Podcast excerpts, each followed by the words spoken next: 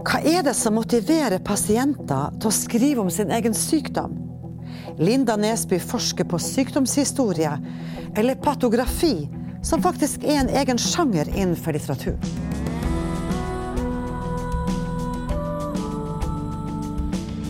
Observatoriet er en forskningspodkast fra UiT Norges arktiske universitet. Med Geir Hevnskjell Ringvold, mannen som lurer på det meste, og Marit Anne Hauan, som bokstavelig talt lever av fortellinger. Og en ny, spennende forsker hver uke.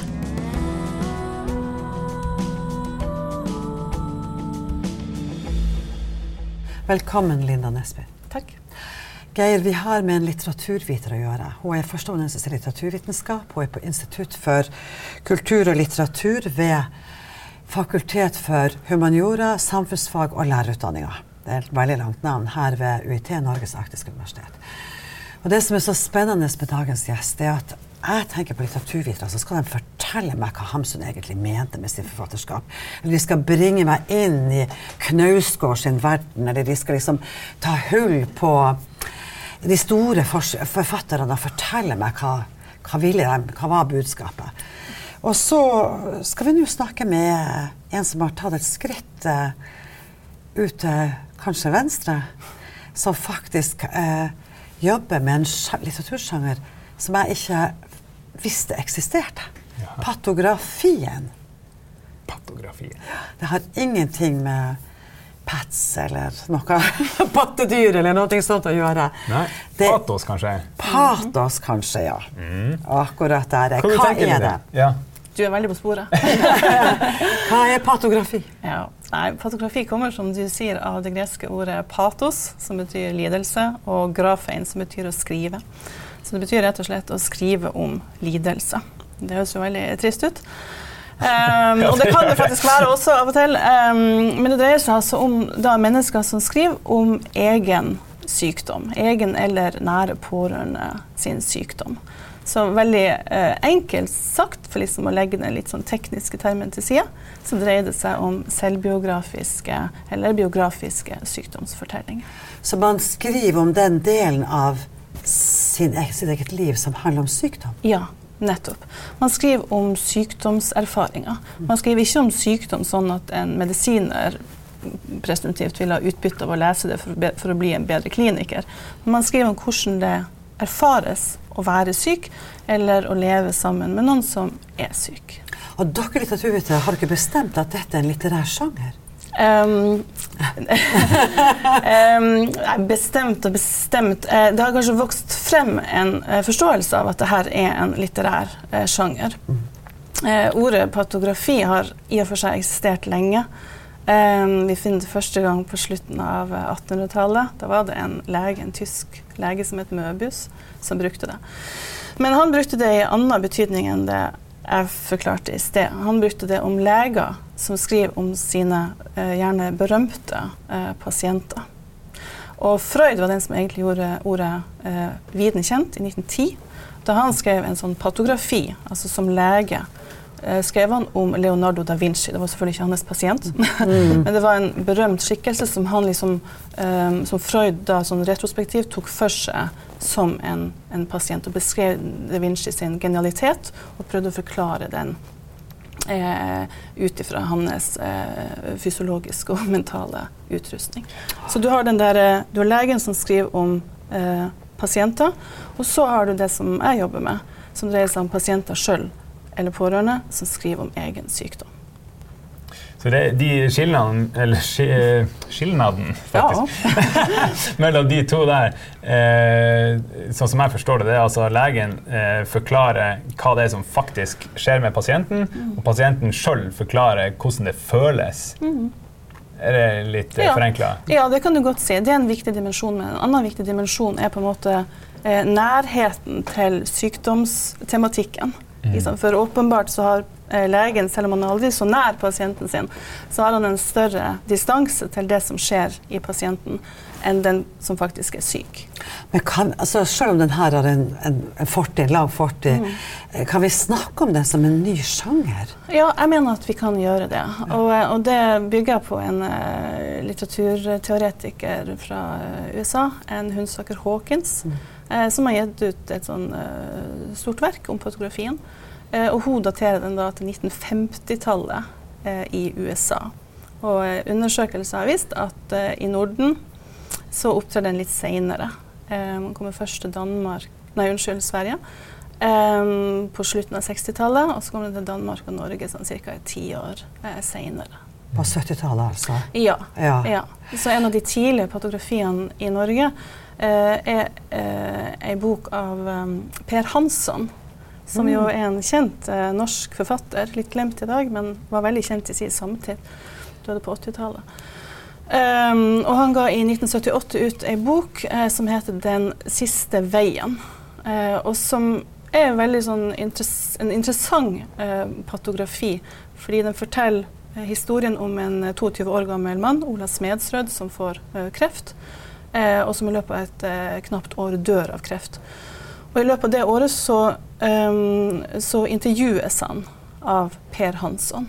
men han får etter hvert en ganske sånn tett relasjon.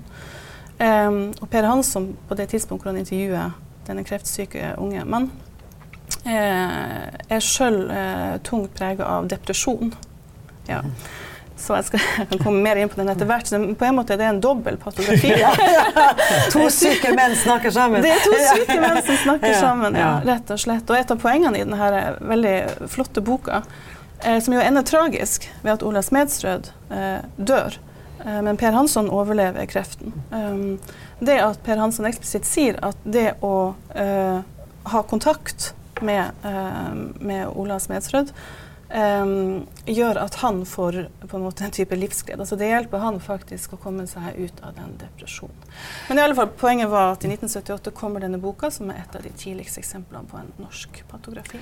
Det vi må, det vi, må vi skal komme tilbake til det, men jeg må, jeg må, få kommentere at din doktorgrad handler om Hamsun sitt forfatterskap. Du har vært webredaktør på Hamsunsenteret. Mm.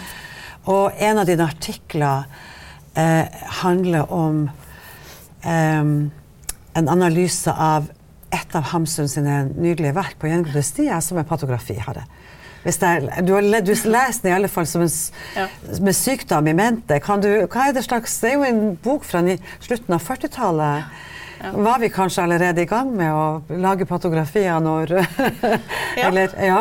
ja. altså vi var jo, Det er et veldig godt poeng eh, du har da. Um, for å snakke litt om På gjengrodde stier fra 1949. Eh, så drøfter jeg litt det her fotografibegrepet opp mot den boka. fordi mm. det er ikke en typisk fotografi. Eh, Hamsuns bok er en sånn sjangerhybrid. Mm. Den bygger på faktiske hendelser. Så Hamsun eh, ble jo internert etter krigen pga. Eh, hans eh, nazisympatier, eksplisitte nazisympatier. Eh, og han ble da ikke satt i fengsel, men han ble satt eh, på et gamlehjem først. Og så ble han sendt til psykiatrisk klinikk, der han ble underlagt en større psykiatrisk undersøkelse, som han opplevde veldig tungt. Så Hamsun var en ufrivillig pasient. Um, mm. Man kan kanskje, for å spissformulere det litt, si at uh, den norske nasjonen den norske øvrighet forsøkte å gjøre Hamsun syk, for kanskje å frata han en del av det ansvaret han hadde for de handlingene som han jo dessverre gjorde under krigen. Mens Hamsun sjøl jo insisterte på at han var frisk. Han hørte veldig dårlig, det innrømmer han. Han var jo en veldig gammel mann, han var i eh, slutten av 80-årene. Eh, Men han insisterte på at han var frisk, og ettertida har jo også visst at Hamsun eh, også rent mentalt var helt eh, frisk. Så det, det, er ikke en klassisk Nei. patografi.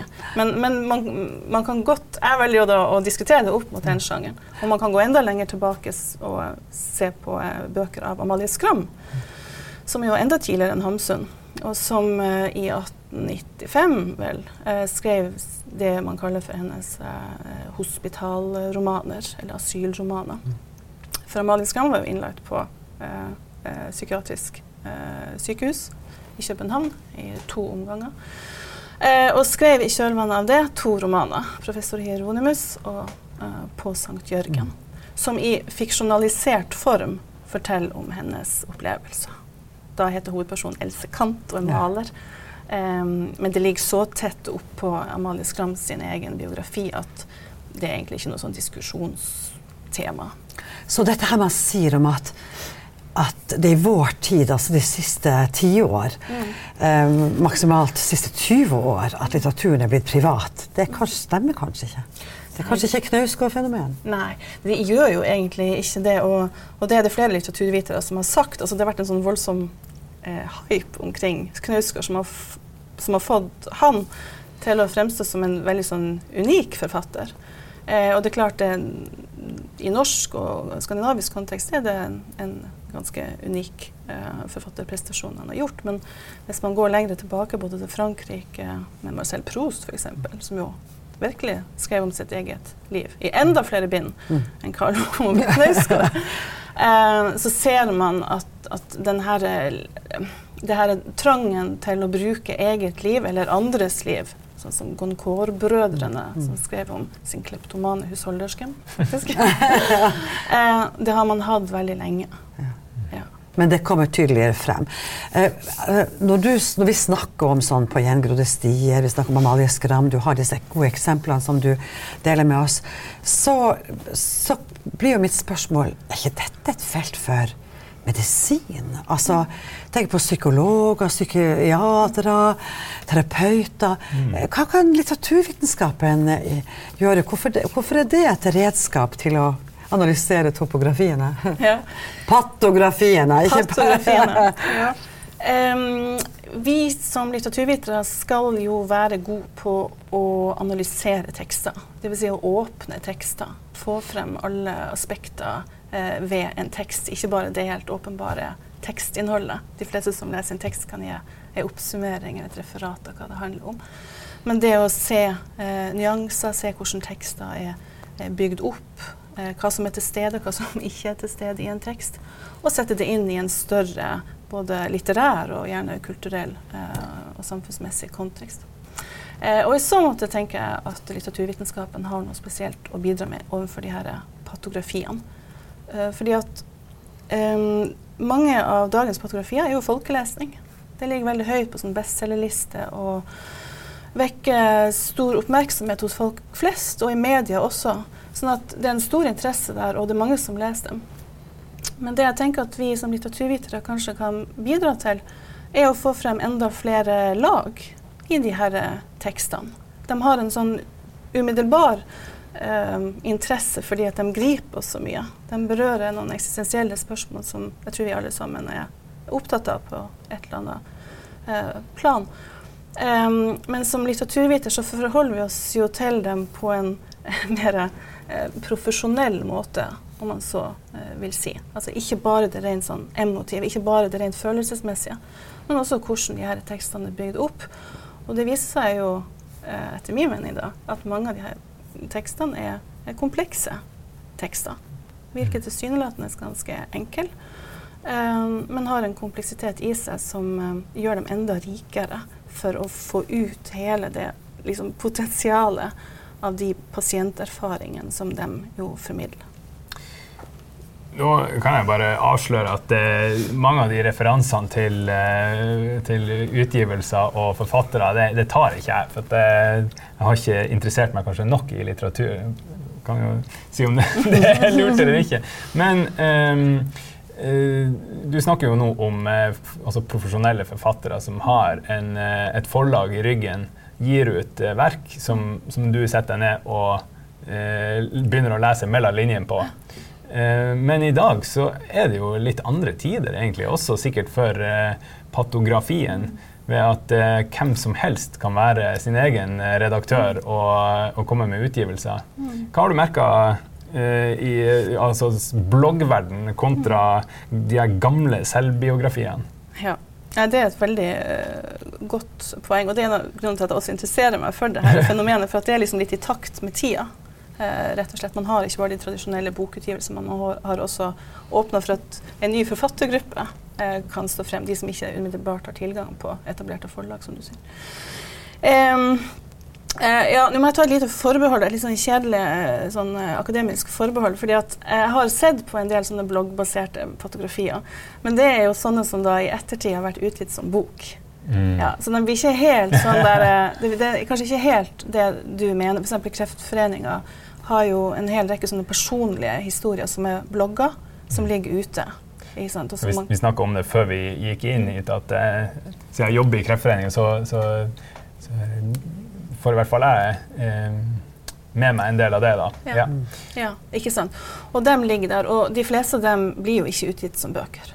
Nei. Nei. Så det jeg sier nå, baserer seg litt på de som faktisk er utgitt som bøker. Og, og det kunne man ha snakka mye om, hva som gjør at noen blir utgitt og noen ikke utgitt. Jeg tror nesten vi skal øh, la det, det ligge. Men, men det, jeg har, um, eh, det jeg har sett eh, på i forbindelse med sånne bloggbaserte fotografier versus de der tradisjonelle, sånn som den Per Hansson-fotografien som jeg nevnte, og har også en annen veldig kjent tidlig av ei svensk dame som het Ulla Karin Lindqvist. Den kom ut i 2004 og heter 'Ro uten årer' på norsk. Eh, og hun hadde amyotrofisk lateral sklerose, eller kjent som ALS, som er en veldig brutal nevrologisk sykdom. Og Ulla Karin Lindqvist var en kjent person. Hun var nyhetsjournalist i svensk eh, TV. Eh, og på den måten en slags sånn kjendis i Sverige da, og fikk denne sykdommen på, eh, og fikk vite det på sin 50-årsdag og døde et år senere. Eh, og hun skrev eh, ei bok, mm, eh, denne Ro eh, uten årer, som ble en stor eh, suksess. Ja, en sånn eh, Ja. Sant? Så du har Per Hansson og sånn som Ulla Kari Lindqvist på den ene sida. Og så har du de bloggbaserte eh, patografiene. Um, og et kjent norsk eksempel på det er ei bok eh, som ble skrevet av ei eh, 17 år gammel jente, Regine Stokke, eh, som fikk eh, kreft. eh, og som døde i løpet av et drøyt år. Og som blogga aktivt om det her mens hun var syk. Det er et av de første eksemplene i Norge på en sånn eh, sykdomsblogg som har fått stor, stor allmenn interesse. Eh, og Regine Stokke ble kåra til eh, årets navn i Dagbladet, og boka kom ut eh, i ekspressfart eh, på Gyllendal eh, bare et par måneder etter at hun døde. Eh, og det som gjør forskjellen på, på de her to formene for patografi, er jo at sånn som i tilfellet Regine Stokke, så ligger jo skrivehandlinga eh, veldig, veldig tett opp til selve si, eh, hendelsesforløpet. Ikke sant? Eh, blogg er jo en slags sånn dagbok Mm. eh, på nett. Og Regine Stokke blogger da frem til tre dager før hun dør. Ja, ikke sant? Så det er en ekstremt sånn intens eh, leseropplevelse. Um, mens Ulla Karin Lindqvist, som jo også Hun skriver på maskin, altså på, på, eh, på datamaskin det er i 2004, så det er jo også for så vidt en sånn eh, eh, hva skal si, umiddelbarhet. Men ikke i så stor grad. Og den boka hennes avsluttes da også eh, fire måneder før hun dør. Noe som også skyldes den sykdommen som gjorde at hun ikke lenger kunne eh, skrive.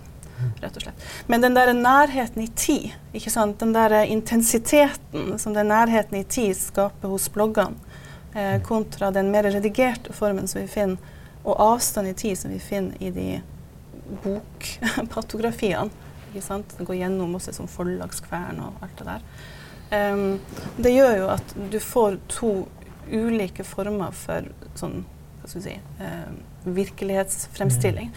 Der den ene kan fremstå som nesten mer autentisk, ikke sant? for den ligger nærmere på hverdagen og på det som faktisk skjer, enn den, uh, den mer gjennomredigerte ikke sant?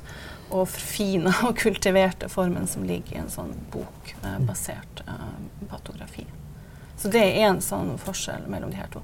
En annen forskjell Um, er jo det at i blogger, som dere sikkert vet, så um, er jo et av karakteristikkene at man har muligheten til å kommentere. Mm. Leseren kan kommentere på de bloggpostene. Og den muligheten har man jo ikke i forhold til ei bok. Man kan jo selvfølgelig lese ei bok, og så kan man skrive et brev der man, eller kanskje en mail der man gir uttrykk for at det her eh, var en flott bok, og så sender man det til forlaget, og så blir det kanskje videresendt. Men det blir ikke det samme. Terskelen er nok litt høyere. Terskelen er høyere, og igjen tidsperspektivet blir helt annerledes. For i en bloggpost så kan du mye godt få svar eh, der og da fra forfatteren av den bloggposten. Mm. Når, når den boka gis ut, hun, denne unge jenta som dør Mhm. eh, av kreft, ikke sant? Eh, får vi også kommentarene Er det også publikumskommentarer som er med i boka på hennes blogginnlegg? Ja, det er et utrolig godt spørsmål. For i den boka så får man faktisk det. Man får en del av dem. Um, og det er jo interessant, og det vet jeg dessverre ikke, jeg har ikke noe svar på det, men um, det er jo interessant å spørre seg hvordan uh, utvelgelseskriterier har forlaget brukt? Hvilke kommentarer er det som er med? Har man prøvd å gjøre sånn det demokratiske utsnitt, at det skal være kvinner og menn og unge og gamle og ikke sant? Eller er det mer eller mindre tilfeldig? Eller er det bare de muntre tilrop? Ja, det er det ikke. Nei. Nei. Ikke sant? Og det kan være det også. Kanskje forlaget faktisk har bestreba seg på både å vise de positive kommentarene, som jo helt klart er i overvekt, men også noen av de negative. Uh, for det er noe jeg, jeg, har sett på de kommentarene som uh, er gitt i forbindelse med den Regine Stokke-boka. Um, og som sagt, eh, majoriteten av, av respons er selvfølgelig støttende. Um, den er allikevel sånn som responsen ofte er i forbindelse med blogger generelt. Det være seg om det er mote eller interiør eller alvorlig sykdom. Mm. Den er litt sånn tom. Det er ofte sånne kommentarer typen 'stå på God, jeg god bedring. Ja, god bedring. Dette går veien. Jeg føler på meg. Litt sånn på en måte tomme kommentarer, som man kaller det for. Mm.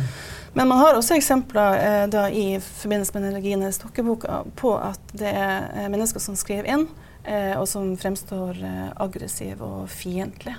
Som f.eks. Eh, antyder at hun skriver for å få eh, oppmerksomhet, at hun er oppmerksomhetssyk. Mm. Eh, og enkelte er også ekstremt brutale og spør rett og slett eh, når hun skal dø. Mm. For det er klart hun det er jo et sykdomsforløp som går uh, opp og ned, og i perioder underveis så er hun veldig dårlig. Men så uh, kommer hun seg igjen. Eh, men noen er da brutale nok til å spørre om, eh, om det ikke snart nærmer seg slutt. Ja, det, er jo, det er jo ikke fritt for nettroll der heller. Det, ja. eh, kanskje man mer er forskåna for eh, hvis eh, det er et forlag som gir ut boka, og det blir den der kjede av eh, at beskjeden skal fram via, via, via. via, via. Mm. Jeg tenker på du underviser Førsteamanuenser ved universitetet de har gjerne en undervisningsplikt mm. hvis de ikke har en annen plikt. Mm. Og dette her antar jeg er et studieemne? Ja. Eh, vi har to uh, kurs eh, ved nordisk litteratur eh, her ved Universitetet i Tromsø eh, som dreier seg om eh, sykdomsfortelling. Det ene dreier seg ganske sånn spesifikt om disse selvbiografiske sykdomsfortellingene. Og det andre er et litt mer sånn et kurs med et overordna fokus på det som heter medical humanities. Altså det her med å, å bruke humaniora innenfor det medisinske kunnskapsområdet. Men uh, hvordan tar de unge studentene det å lese sånn Det er jo dystopier. Du leser om en uh, sykdom som knekker deg sammen, eller som tar ditt liv. og sånn. Er det, hvordan, hvordan er mottakelsen blant studentene? Um, uh, jeg vil si at mottagelsen har vært god. Mm. Og så gir det jo veldig mange uttrykk for akkurat det du sier. At det her er tung det er en tung tematikk. Eh, veldig mange av oss eh, har jo opplevd sykdom sjøl. Kreft er jo svært utbredt i dag. ALS mindre.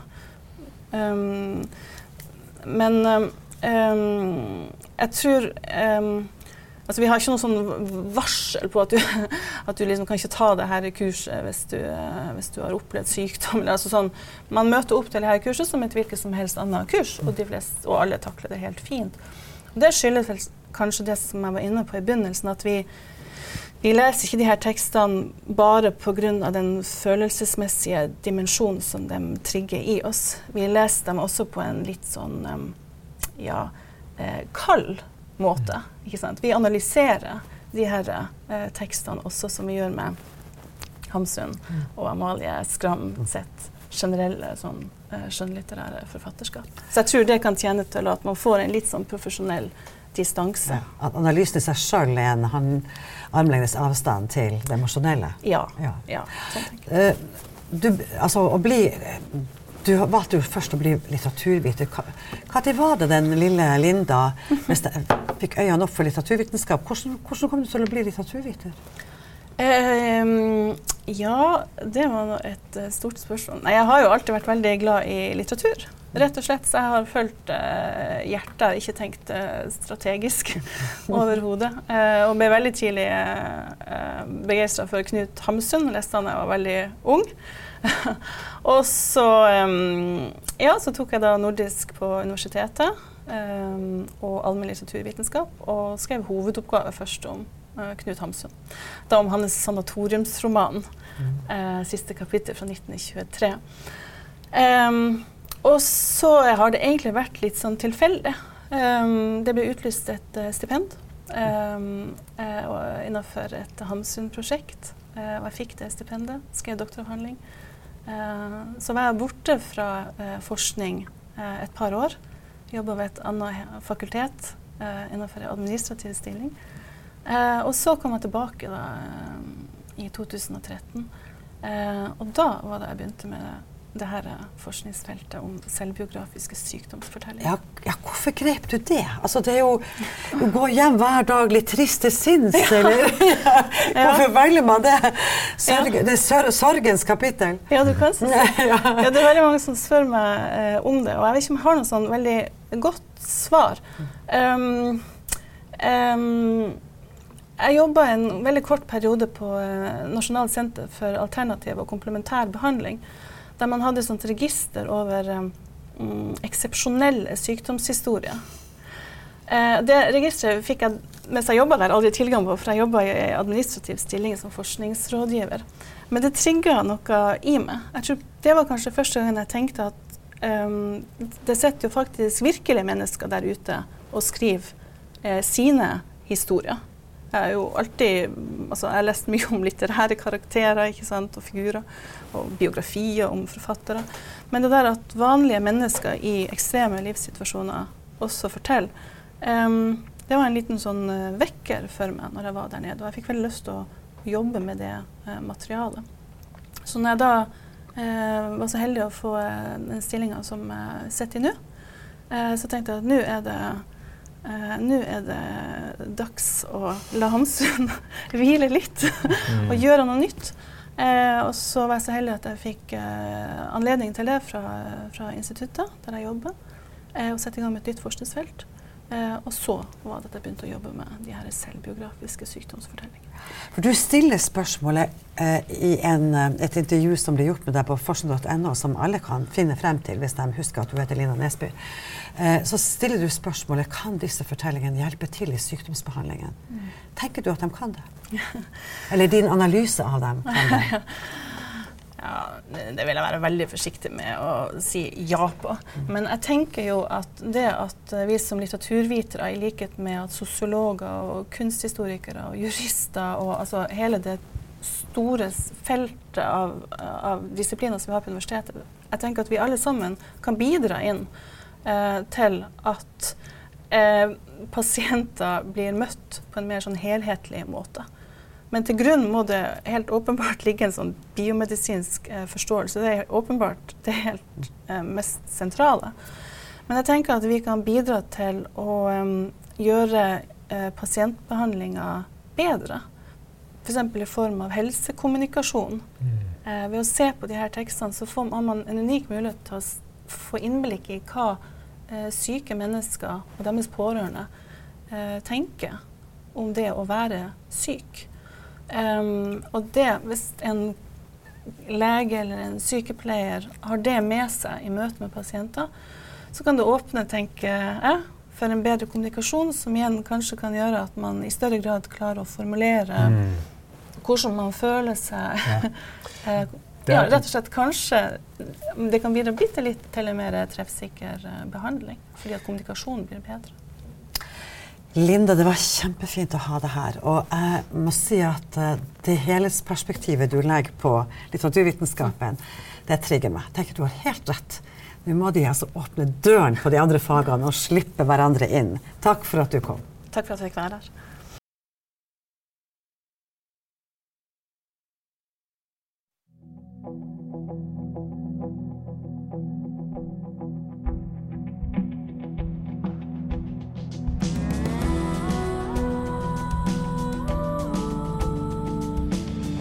Tusen takk for at du hørte på oss i dag. Du kan lese mer om forskninga til Linda Nesby på uit.no 50.